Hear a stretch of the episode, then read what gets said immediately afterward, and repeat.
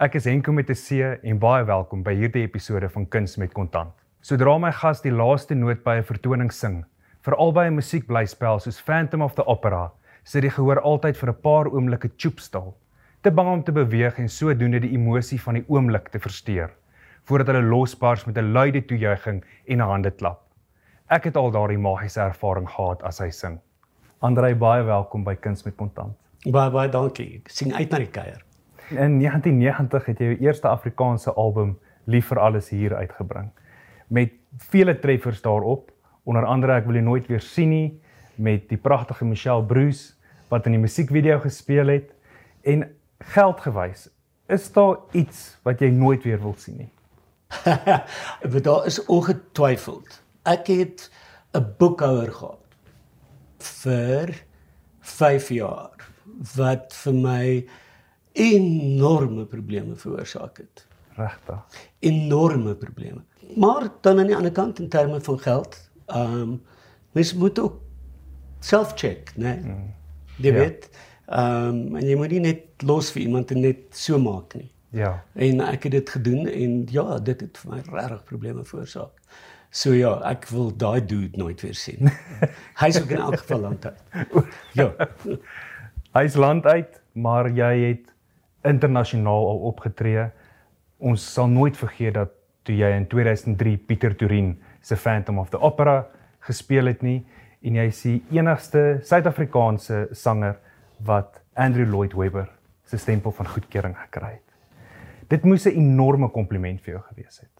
Ja, ek weet jy, dit is dit, weet jy wat dit is dit, dit is nogal amazing. En wat, wat verskriklik lekker was is dat ek was 'n totale buiteperd. Ek was letterlik die heel laaste persoon wat ook audisie gedoen het vir Phantom in die land.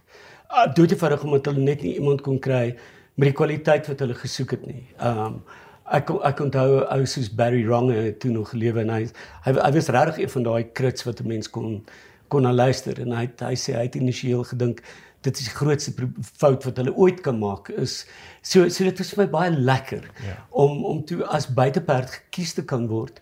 Jy weet in die aande was dit soos 'n ek het daar aangekom, ek het eh, ek- gremering het baie lank gevat en van die eerste oomblik tot ek op verhoog gaan tot aan die einde wanneer mens gaan vir 'n buiging was dit regtig net 'n ander wêreld waar ek in ek was.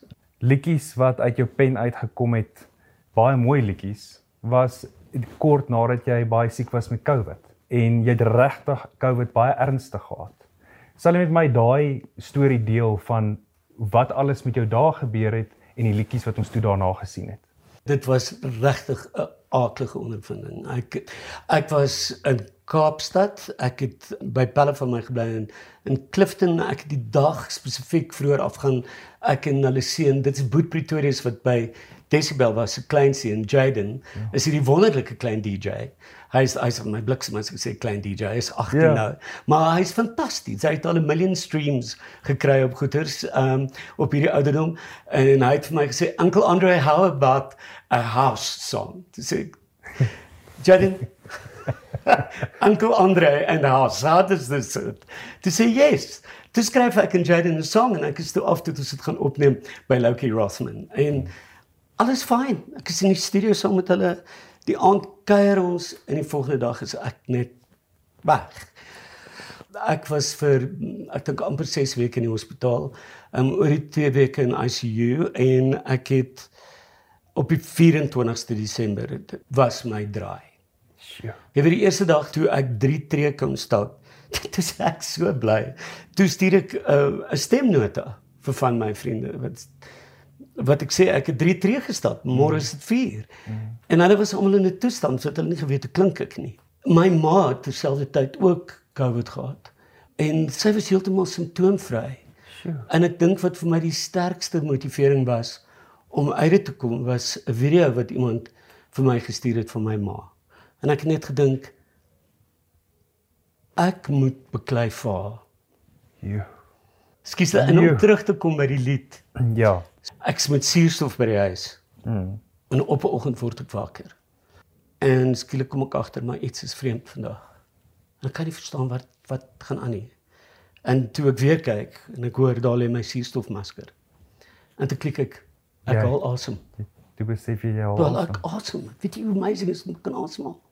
En toe skryf jy die En toe liedjie. staan ek op en ek gaan skryf. Ek haal asem. Ons praat van seëninge. 'n Basiese ding soos asemhaal. Het jy in jou besigheidslewe ooit engele teëgekom? Wat die besigheidskant aanbetref, was vir my altyd rollercoaster. Want ek het die kreatiewe kop en dan het ek wonderlike vrou gehad met die naam van Glynis wat vir my al die besigheidselemente en goeders gedoen. Ek dink so want ek was net altyd na gekyk. Dan het ons pitches gedoen teen van die grootste maatskappye en dan kry ons dit. Jy weet en ek dink die Engele speel, ek dink hulle is oral, jy weet. Ja. Hulle is heeltyd by ons. Besigheid was vir my altyd net ek het altyd net 'n idee gehad ek het ons omtrent soveel. Dan kan ek dit doen. jy Ja. weet. Ehm maar dan aan die ander kant, ek meen ek was altyd beter met iemand anders se geld. Soos met 'n kliënt se geld. Mm. Sal ek 'n enorme budget hê en as jy vir my en ek het sulke lyn items gehad. En elke item ek ek sal vir jou presies kon sê wat item so en so was brandstof. Ek sal al daai daai goed onthou en met 'n kliënt se budget uitstekend werk. Ja.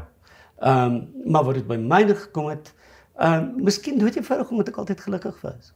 Jy sê nou jy was gelukkig geweest. Moet jy dit nog steeds reg gekry om so lank loopbaan te hê en het jy mense gehad wat jou gehelp het al die pad?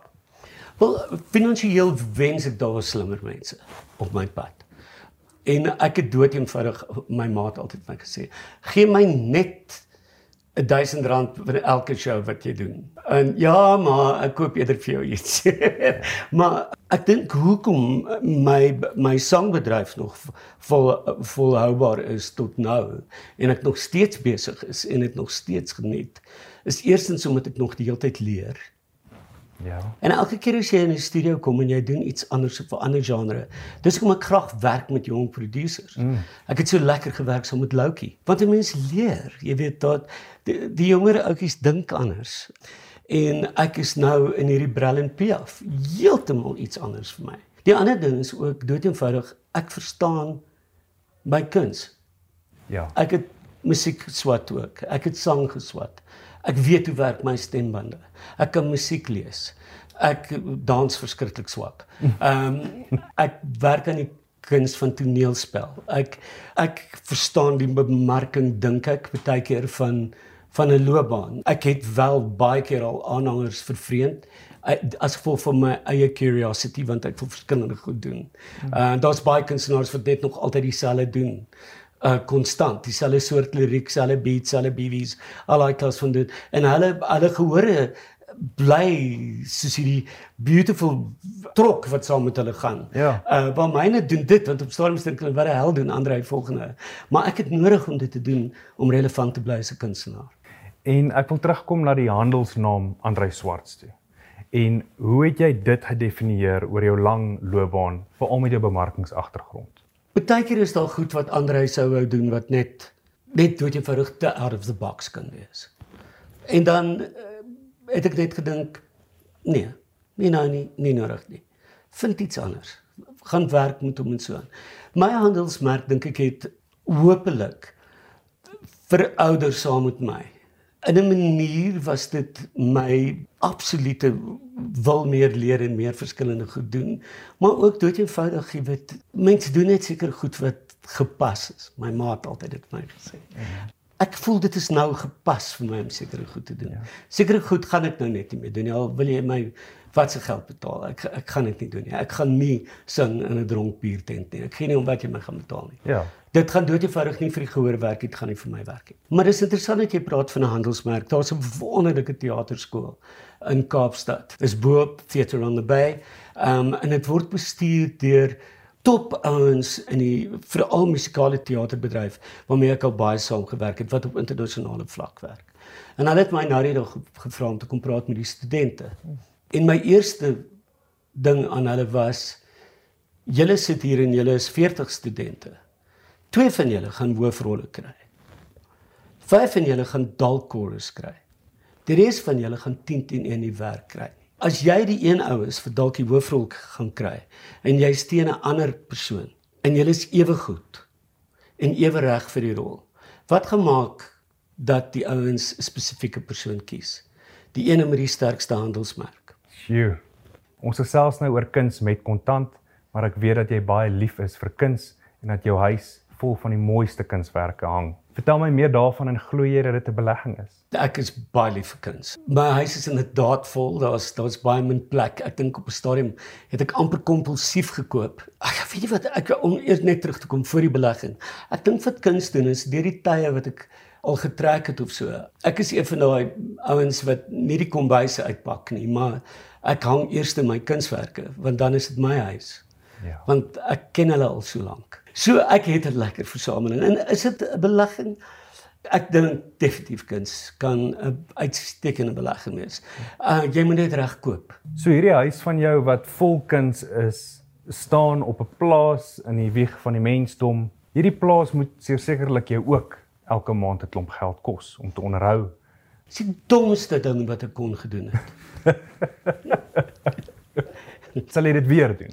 Ek sal dit weer doen want ek het dit verskriklik geniet. Ek het gewoon in Saxonwold en ek het eendag net gesit en een van hierdie eiendoms goeders net hierdie plaasie verskyn en ek het sien toe gery en ek het gaan kyk en dit is vir my mooi en ek het 'n pel saam met my gevat wat goed is met geld.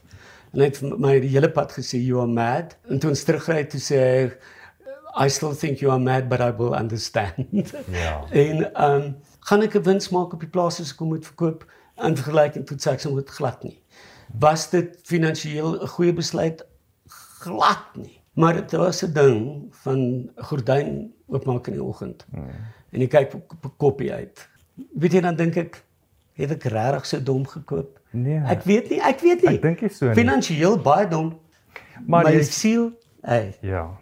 Andrei, baie dankie dat jy vir my kom kuier het op kuns met kontant. Maar bovenal, baie dankie vir al die monumente wat jy gebou het tydens jou loopbaan en hierdie skatkis wat jy vir ons agterlaat. Ek wens vir jou alles wat mooi is. Baie baie baie dankie. Dis dis baie gaaf. En dankie vir vandag. Dit was lekker.